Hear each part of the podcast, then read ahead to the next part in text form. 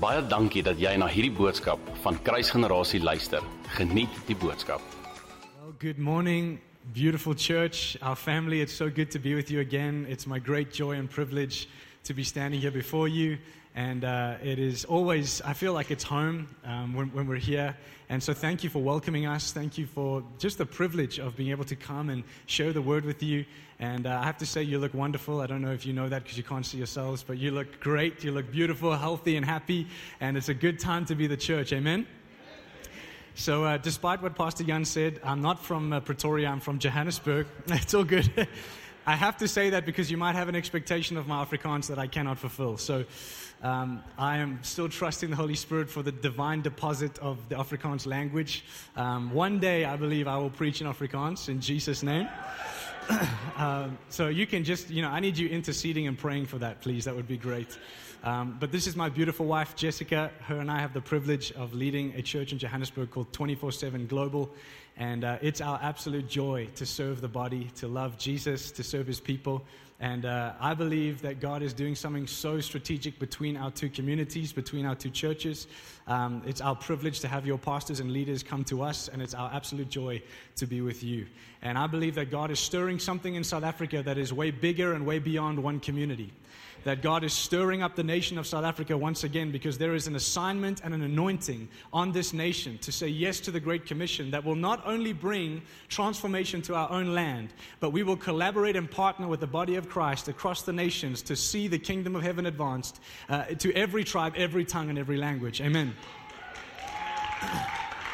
And so it's a privilege uh, to be here, and um, I want to really honor your leaders. Thank you so much. You guys have the most beautiful pastors and leaders. Um, and I, it's important. I know that it's, uh, it becomes uh, traditional to do that when you're a guest speaker to honor uh, pastors, but that's not my heart. My heart is really to say uh, to all of you as a community, you are incredibly privileged to have the pastors and leaders that you have. Uh, I really do. I admire them. I respect them. I honor them. I believe they carry something for this time, not just for your community, but for the nation. And I want to ask you, as another pastor in this country, to be free to release your pastors to, to, to carry and, and, to impart what you have cultivated in this house so that it would multiply to other places as well. Amen? What God's doing in your community and in your church is not just for this room, it's for many, many other places and people. And so God is stirring something in Kruisgenerasie. there it is. Laka. I'm getting there. He's stirring something in this church and in this community. He has birthed something in this house that God will use to stir and awaken hearts in South Africa and to the nations. Amen. The last time I was here, it was Greater Works Conference, the, the Greater Works Conference. Um, I have never seen a pastor lead his community in a prayer of repentance uh, under the, the, the topic of the Great Commission like I witnessed that night. It was so powerful and profound, it marked me. And I believe that it's also symbolic and prophetic of what's happening in the nation of South Africa, that God is moving upon His church and He's inviting us to His dream. You see, what happened is we became so introspective with the gospel that we were looking for how the gospel benefits us. But the reality is, we were never born to live that way. God is inviting us and drawing us into His dream, and it requires us to lay down everything. It is the most costly thing we can say yes to, but it is the most rewarding thing because Jesus is worthy. And He is the inheritance, He is the treasure, He is the reward. And so when a people like you begin to say yes to Him, yes to His dream, I promise you, He honors a people like that with the manifest presence and power of God. He is drawn to our faith. He is drawn to our hunger. He is drawn to our yes to Him. He's madly in love with us. We cannot get out of this thing. We can run, we can try to hide, but He will find us every time He is in pursuit of your heart. Amen? And so it's a beautiful thing to be the church in this hour. It's a privilege. Holy Spirit, we thank you for your word and we, we give you glory. And we pray that as we, as we open the pages of the written word of the Lord, we thank you for greater revelation of Jesus this morning. Lord, that this would be a living encounter, that we would not just get wrapped up in knowledge, but that we would discover the revelation of Jesus and the knowledge of who you are and that we would encounter tangibly the manifestation of the Son of God. And so we honor your word, we honor your presence, and we love you in Jesus' name. Everyone said, Amen. You can take a seat. If you've got your Bibles, let's turn to John chapter 19, and uh, we're going to stay there for a second. I love Paul. He says, I preach nothing but Christ crucified and raised from the dead. Am I allowed down from here, or is, this, is that okay? I'm so sorry to the camera people. I'm going to make your life really difficult. I apologize. I'm coming down. um, oh, this feels good. It's good to be close to you. Um, I, uh, I really believe in South Africa, what the Lord is doing is He's mobilizing the church once again for the dream of God. And about four years ago, the Lord said to me, The dream of God is becoming the heartbeat of the bride once again. And I need to say this this morning because I, I'm, I'm from Scottish descent, so I, all my family are, are Scotsmen. And uh, so uh, I felt like there's something similar about the Scottish culture and the Afrikaans culture, right? Where the Scotsmen are not as big and strong as Afrikaans guys, but we're as crazy and stubborn, right? And, uh, and so I come from a, a, family of males who are passionate about uh, sport, both uh, football and rugby. And, uh, and so I grew up playing, playing those sports. I grew up uh, headbutting people, uh, you know, just kind of hard, tough men, you know? And so we, I, I love Briars because it just kind of feels natural. And, uh, you know, please tell me when there's time, bro. Just rugby tackle me when it's over, okay? Um, and so my grandfather, I felt to share this story. My grandfather was a very proud man. He'd made some, some big mistakes in his life. He, he was a professional soccer player for many years. And uh, he, uh, when he was in South Africa, he made some mistakes. He was living a life of sin and very hard, tough man. And my grand, my grandmother, she got born again. She was saved and she was praying for him. And he was such a tough, difficult, hard, stubborn man that it would take a supernatural miracle for him to get born again, right? It was like, it was just, he was not budging, he was not moving. And so one day, my grand managed to drag him to church. Um, Ouma, that, you know what grand is, granny, right? Yep. Uh, just checking. So they brought him to church, and he was standing in the aisle, and there was a, a man who was preaching very, also a, a tough, strong, ex special forces man who was preaching the gospel. And uh, he saw my grandfather in the aisle, and the Lord told him to rugby tackle my grandfather in church. Just letting you know. So he's kind of preaching, and he keeps looking at my grandfather. My grandfather's just standing there looking at him. He's like, you know, pretty fed up with everything. Um, and so the next moment, I'll never forget this day, this man starts running down the aisle. And he spear tackles my grandfather. My, my grandfather was in his 60s. He spear tackles him up like this and onto the ground. Boom! And the whole church goes, like, oh my goodness, what happened? As my grandfather hit the ground, he went into a vision of Jesus. He was down for two and a half hours, and when he got up off the floor, he was a different man. He began to weep. He hadn't cried in years. He was crying, and uh, suddenly, and, the grandfather that I knew was a soft, loving man who was in love with Jesus, and, uh, and he served the Lord. He was the guy who was first at church. He would open up, he would set up everything for the meeting. He just wanted to serve, he wanted to help people, he wanted to love people. And uh, he's now with the Lord. But I, I felt to just encourage you. Maybe there's some men here today, and it's like, you know, I know what it's like to be a proud Scottish or Afrikaans man. The mana. Lekker. And there's very few things better than braai vleis, but one of them is the glory and the presence of Jesus. Amen. And so I promise you, you will never regret allowing the Holy Spirit to make you undignified for Him. So that's why I don't come from a family of, of dances and, you know, like the spontaneous worship thing. Like, I don't come from that. But something happened in my heart, and I, I want to say this to you. I promise you, with all my heart, when you stand before Jesus one day, you will not be standing going, You're worthy. I promise you. You won't be standing singing the songs, Holy, Holy. You won't. It will be wild and extravagant because He's wonderful and He's beautiful and He's worthy. And so you're going to, I promise you, even, even the toughest, hardest, strongest men will be on their face before Jesus crying out, Holy, worthy is the Lamb that was slain. And so I believe this morning there's a, an impartation and a release of freedom over this house because God has called you to carry and model something in this city, Middelburg, not Middleburg. Um, and, God is, is, is doing something in this house that will not only touch Middleburg, but it's beginning to stir something for many other towns and cities in South Africa. I felt it the last time I was here, and every time I come here, I can feel God is doing something in this house. Amen. One of the things that I'm so passionate about obviously, is, is the Great Commission and, and prayer and worship. But I also believe that we need to make sure we are preaching the undiluted, pure gospel of His grace. And, uh, and the finished work of Jesus is where we start. We must start where He finished. We cannot do anything for God or in God without first starting where He finished. The Christian life can be summed up in one word receive.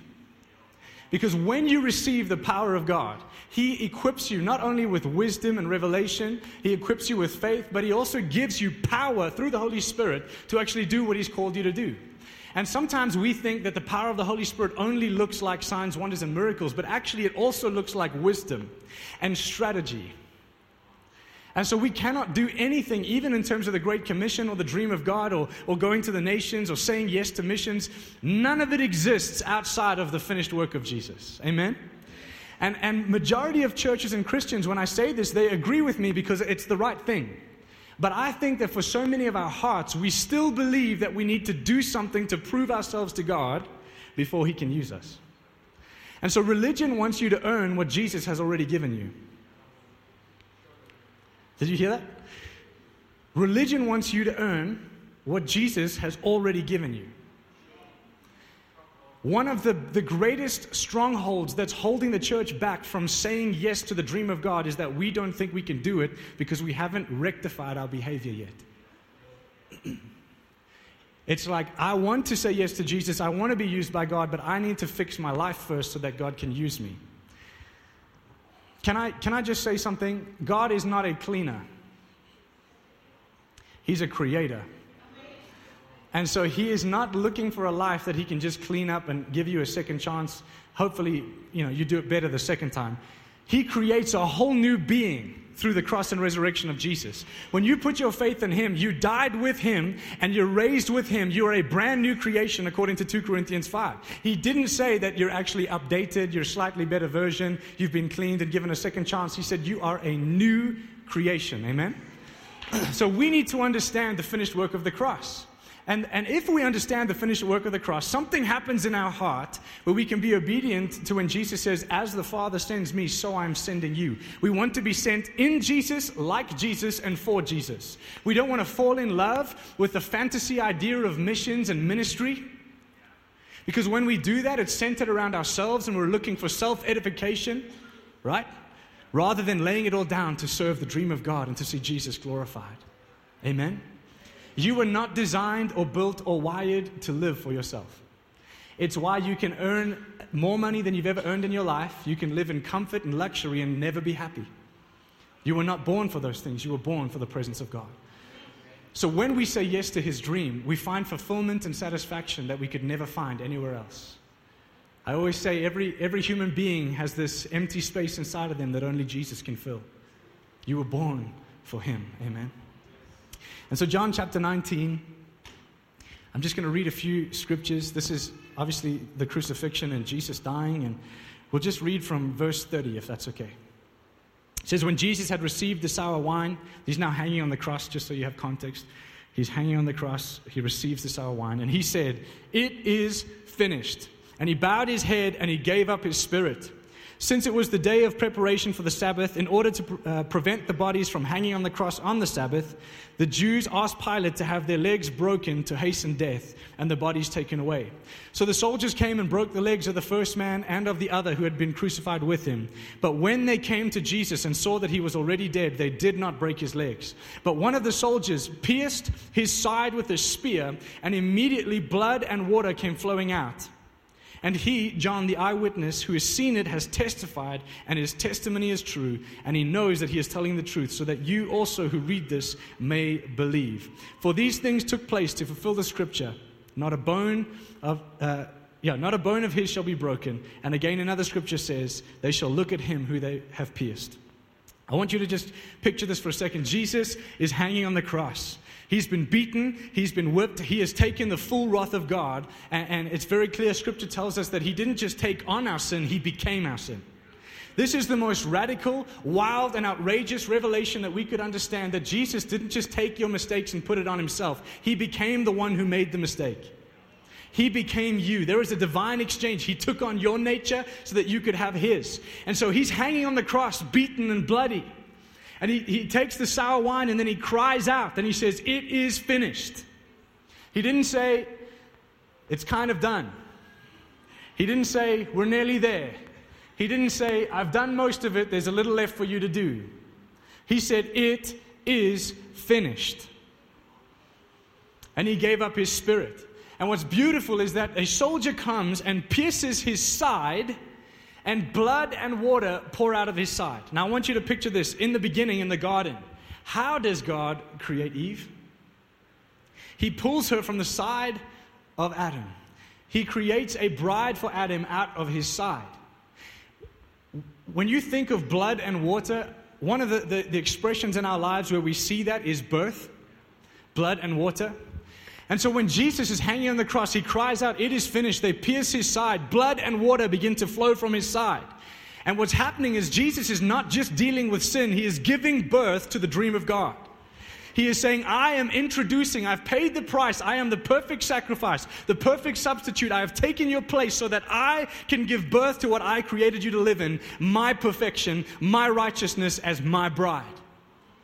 And the word for it is finished in the Hebrew is kala, and it means to be finished or to, to be complete, but it was used as a description for a bride. In fact, they would say a man is not kala until he is married. In other words, a man is not complete until he is married. This is what they would say. If you speak to a Jew to this day, they will explain to you kala is used to describe a bride on her wedding day. Jesus is hanging on the cross. He cries out, Kala, it's com- completed, it's finished, it's done, my bride. We have to understand that the death and resurrection of Jesus was not just about removing the obstacle of sin. It was about giving birth to the people of God who would carry the presence and nature of God on the earth. When Jesus died, the veil in the temple was torn from top to bottom in two. You know what I'm talking about? You've read your Bibles? Amen.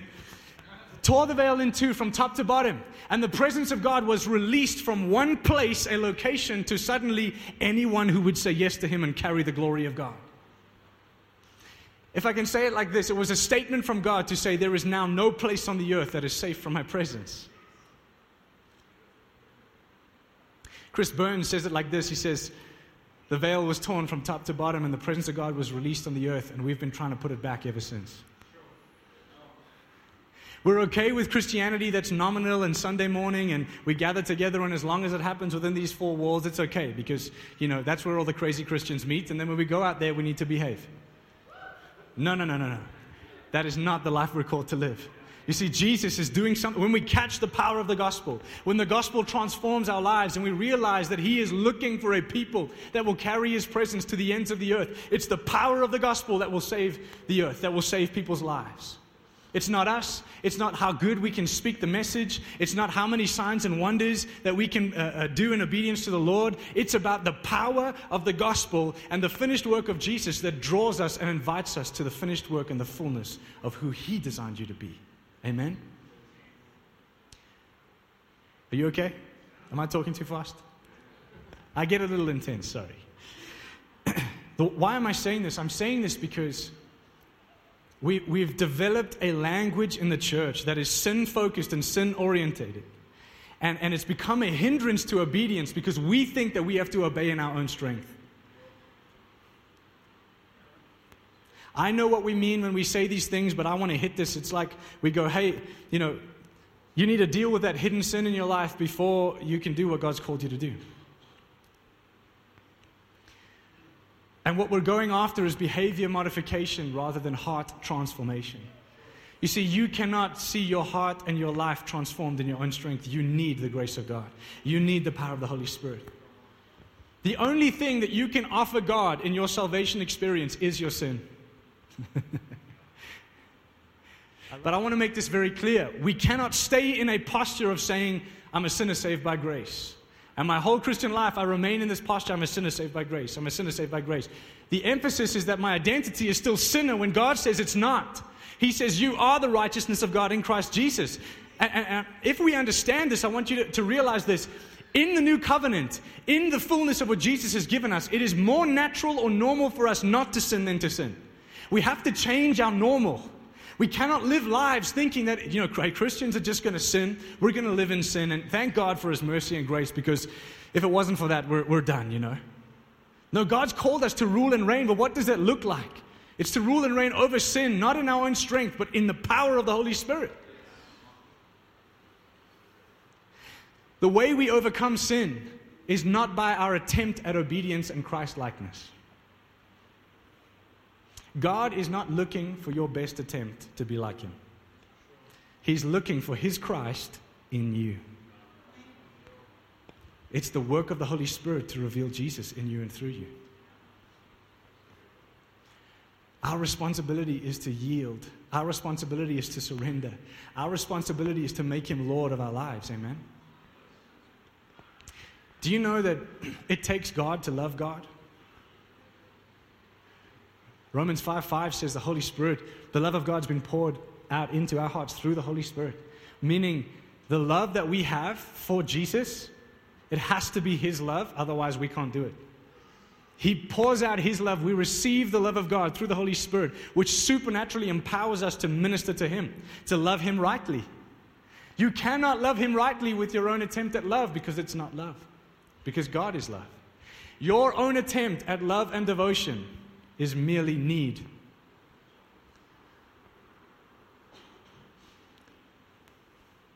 It's why we use this word love so loosely. You know? I love my wife. I also love Burger King. And, and we, we use it so flippantly. You know, often, I don't know if this happens if there's any mar- married couples in the room. It's, you know, if I say, if I'm in the house and I go, I love you, Jess, and there's silence, it's like, hey, I said, I love you. I'm waiting for, oh, I love you too, babe. And if I don't hear I love you too, it's kind of like, what's going on? Something wrong? And it's because there's strings attached to my love. right? It's need. But unconditional love, which is what Jesus modeled, is that you can spit in my face, I'll still hang on the cross for you. I love you, full stop. I forgive you, full stop. It's unconditional. It's the nature and person of God. This is what we've been equipped with in the Holy Spirit. He reveals the nature of Jesus to us. The Christian life is not us trying to be better people. The Christian life is God revealing His Christ in us and through us by the Holy Spirit. So, if we're going to go to the nations, we need to make sure that we're built on the revelation of Jesus so that we're representing and carrying Him. Not our own giftings, not our own abilities, not what we think we can offer and bring. In fact, if there's one thing the 1040 window does really well, is it strips you of everything you think you're good at. Because all the things that we think we're good at don't seem to work in places like that. And so you need the power of the Holy Spirit. And if you don't have the Holy Spirit, you're stuck. if He doesn't do it, it doesn't work.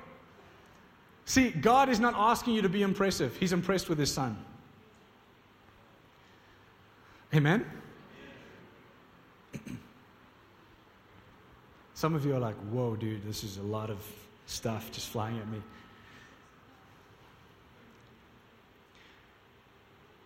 I understand what we're doing when we, when we make mistakes and we come before God and we say, Lord, would you forgive me? And I understand because it's actually for our own heart. It's to release our own, our own heart into freedom. But can I just say this? Jesus is not going to get back up on the cross and die again. He did. He has forgiven you. So make sure your life is postured and centered around gratitude and thankfulness for what He has done that liberates you to walk in obedience, rather than trying to prove yourself to God and hoping that He accepts you. May I be so bold as to say that my experience of Afrikaans history and the Afrikaans culture is that majority of the Afrikaans church has come out of intense pressure to perform and to seem like you're living a right life. There's this pressure to be good enough. There's this pressure to perform. There's this pressure to make sure that people think that you're a good person. There is no one good but God. Because the reality is, we want to measure people based on how we, we've decided failure. So we say, well, the, the, the man who's had an affair, he's, he's over here, he's worse. Uh, the, the young man who told a lie to his mother, that's, that one's okay. I'm a good person. I haven't killed anyone. I haven't stolen. I haven't had an affair. I haven't. I'm a good person. No, nobody's good. You see, the Bible says that which is not of faith is sin. So I don't know if any of you have not been in faith today. Well, you sinned. So we need the finished work of the cross, otherwise, we can't do this. Amen? Let's take the emphasis off of what Jesus, well, let's not put the emphasis on what Jesus took the emphasis off. Right? He is, he is not measuring you according to your sin. He is not measuring you or relating to you according to your performance. He looks at you even right now in this moment and he sees his son. This is what empowers us to say yes to the dream of God. It has to be his work within us, otherwise, we're stuck. Turn to Colossians with me, real quick. Everyone okay? Amen.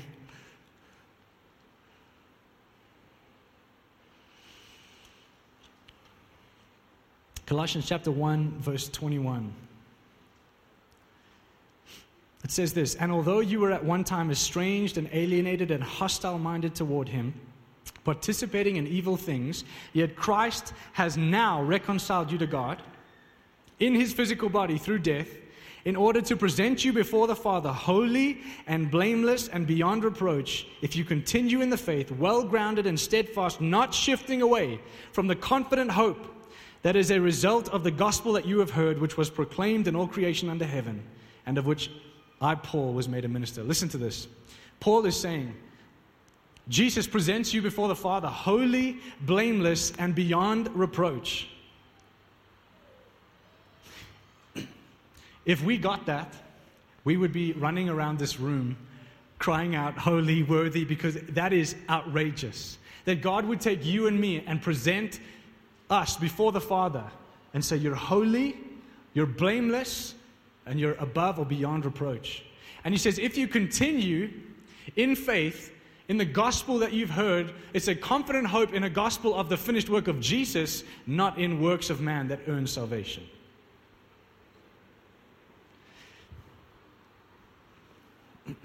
I need you to like amen me and smile. Otherwise, I, I go longer, man. I gotta just pull it out of me, all right?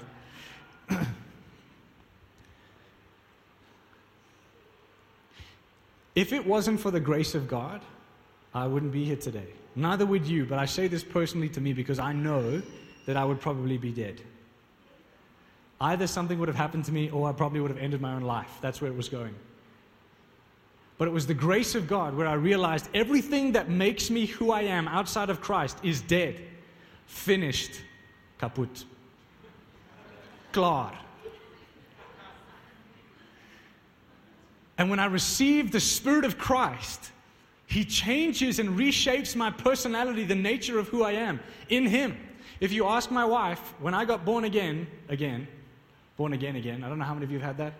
I thought I was born again, then I actually met Jesus and realized, oh, that's what it means to be born again. When that happened, everything about me changed. I became a different person. That should be the expectation of the gospel. Now, we're still on a journey. I'm still on a journey of becoming more like Jesus, of growing in Him. But the Holy Spirit began to bring redemption to my heart and my life. Even my personality changed. You see, if He's Lord of your life, there should be an expectation that He gets to decide what you're like.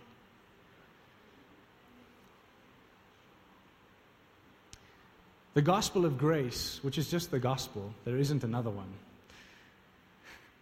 Amen. The gospel brings freedom and liberty so that we can serve Jesus and serve one another. Grace does not empower us to live in sin and, and, get away with it and think we're okay. Grace empowers us to be like Him through the Holy Spirit. He enables us to live in freedom that empowers us to serve. True freedom, it, it enables us to serve others, to love others, to worship Jesus, to be obedient to Him. It's the Spirit of Jesus that's operating in your heart and life to do that. Amen? See, when we begin to preach,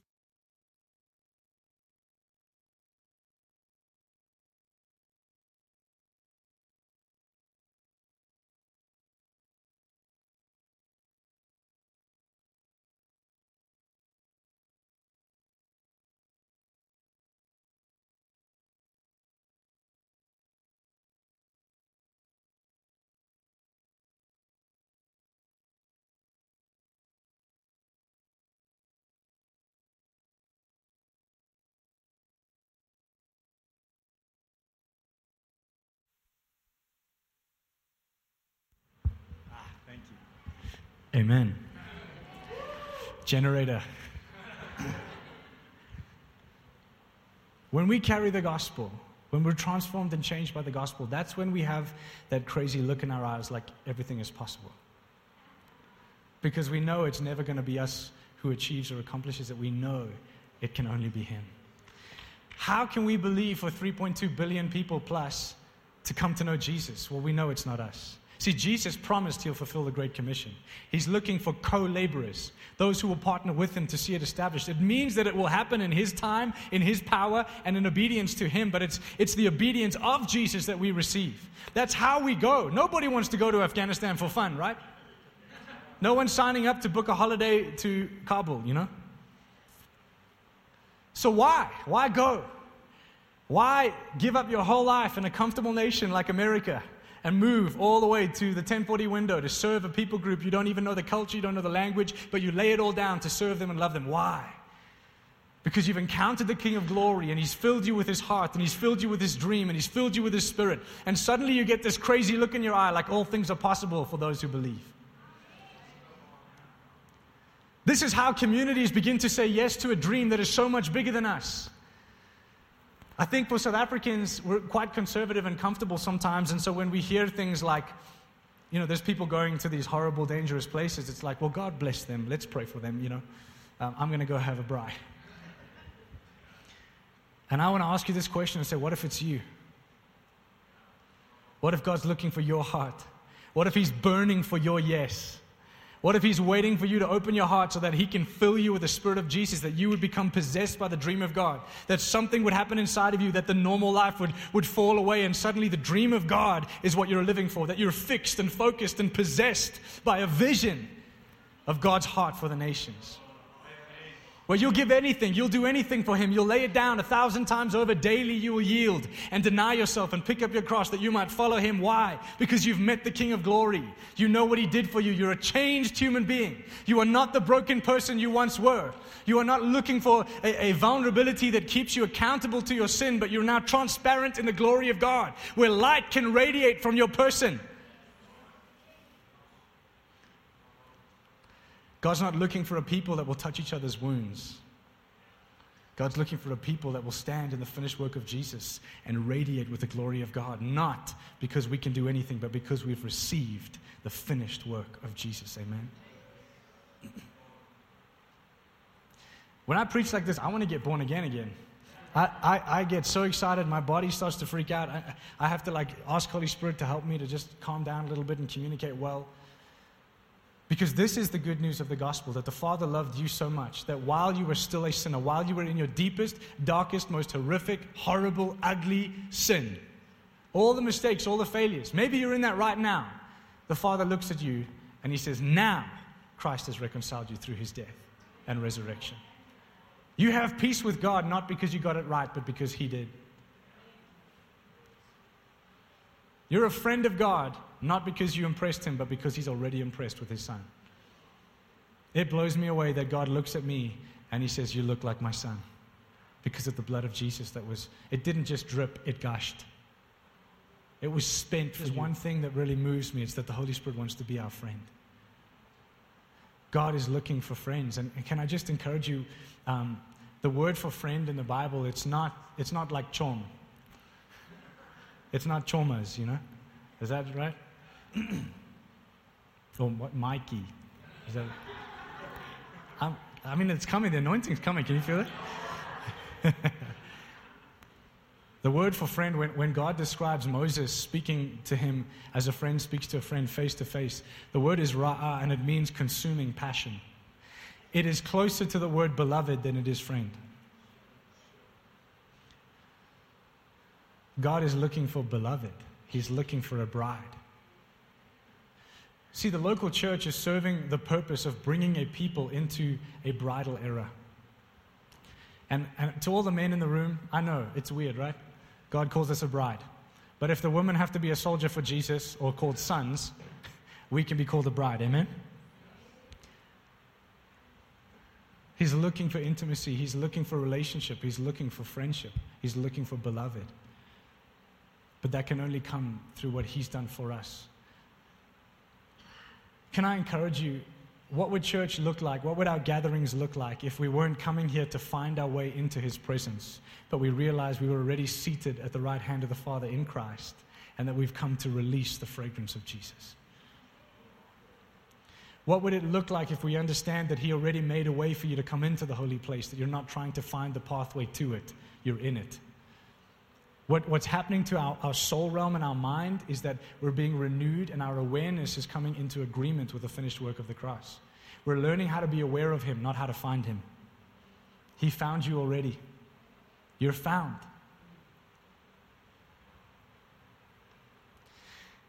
If you have the Spirit of Christ inside of you, where is His presence? So when we gather together and that tangible external presence of God comes, where do you think it comes from? It's when a people of faith gather together and begin to release the presence of Jesus. That's how he moves. See, God is, this is what blows my mind about him, is that he refuses to move apart from partnership with man. See, I don't know about you, but if you read Revelations 1, he's so beautiful, he could come down, reveal himself to the whole earth, and we would all bow. Amen? But he chooses to reveal himself to us and through us to others. And so God has called and set us apart as the church to be the bride of Christ that will carry his heart, walk in obedience to him in the finished work of the gospel, to see every tribe, every tongue, every nation come to know him as Lord, as Savior, as friend, as beloved, as our bridegroom king, as Abba Father.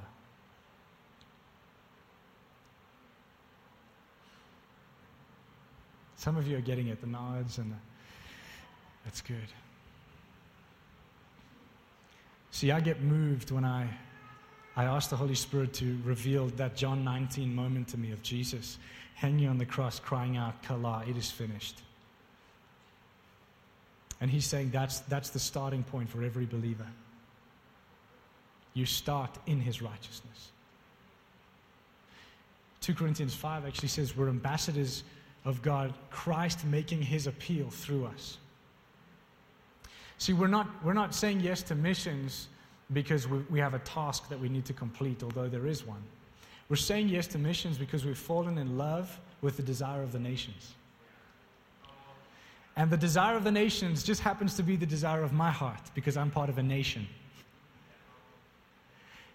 The shepherd of the nations just happens to be the shepherd of my heart. I believe it's impossible to say yes to Jesus and not say yes to the Great Commission. The Great Commission and, and worship and prayer and establishing communities of His presence. It is the gospel in action. It is the vehicle of revival. See, we're crying out for revival and we're seeing God doing things across the nations even now. But let's make sure we're not crying out or waiting uh, for revival like it's a dripping tap, waiting for that next little drop. God, send revival! Where's the next drop? We're like under a tap with our mouths open. Ah, ah, ah. And we're sincere, don't get me wrong. We're so sincere because we're hungry for Him. But we forget that revival is the river of God that's flowing from the throne room of heaven. It's the living waters of the Spirit that He's saying will well up from within you. He is your Lord and King. He's the bridegroom King. He is pursuing your heart. He's in love with you. He wants to fill you. Amen. And so, what's coming for kruisgeneratie. It sounds weird. I'm sorry, I'm trying. What's coming for this beautiful house is a greater revelation of Jesus that will empower your yes to his dream. And I want to encourage you as you give yourself to worship and prayer, be expectant to give yourself to the Great Commission. That God's going to use you to make disciples right here in Middelburg. But not only here, I believe that what God wants to do in this community is to raise up, to commission laborers that will pray to the Lord of the harvest to send forth laborers into the harvest field. When you give yourself to prayer, you don't realize it, but God sends the ones who pray. So let me give you an example. Greater Works Conference last year, this community began to pray for the 1040 window, began to pray. Now you've, you've set aside times that you're praying for the nation of Turkey and you're sending two of your leaders in six, seven weeks' time. Can you see how you give yourselves to prayer and suddenly God begins to mobilize the house and goes, It's those that will give themselves to my heart, who will say, God, we want your heart for the nations. Those are the ones that he sends. And I want to encourage you South Africa is a nation with what, 11 official languages or something like that, and, and multiple different people groups and tribes. We have a nation right in front of us that's crying out for the revelation of Jesus. And we could say, well, South Africa's heard the gospel, not this one. Are you hearing me? They've heard a prosperity message come to Jesus and everything will be okay. And then when it's not okay, they blame Jesus. When bad things happen, they blame God. They've heard a gospel centered around that. They've heard a prosperity message that if you come to Jesus, you'll be rich. And when they're not rich, then they blame God. Or we have a message that's like, hey, Jesus loves you, but he's actually standing behind you with a whip, and every time you get it wrong, he punishes you. Because you've got 10 commandments and 613 laws that you need to get right. And if you miss one, you've missed them all. And so suddenly you've got people who go, apparently God loves me, but he doesn't allow me close enough to actually experience him. This is the gospel that so many people have heard in our nation, and Jesus is crying out, It is finished. Kala, my beautiful bride, I'm jealous for you. Come close, run to the Father, come to know Him. Let Him touch you, let Him fill you, let Him saturate you. Let Him fill you with the Spirit of God who will change everything about you and set you on fire to do what He's called you to do. Amen. I hope this is encouraging you.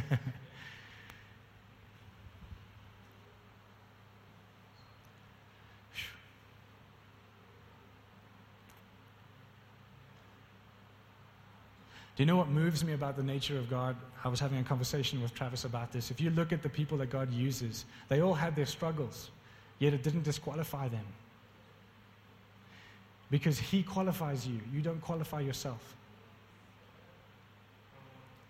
Amen? He loves you. He loves you.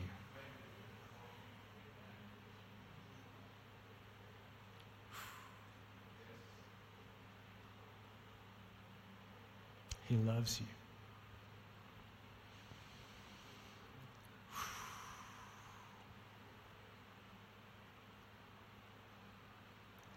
Holy Spirit, thank you. Thank you that you're right here. You're so close. You're so near to us. Some of you right now are just going to feel the presence of God touch your body and your mind and your heart. Just let him touch you. Dankie dat jy na hierdie podcast geluister het. Indien jy die boodskap geniet het, deel hom asseblief met jou vriende.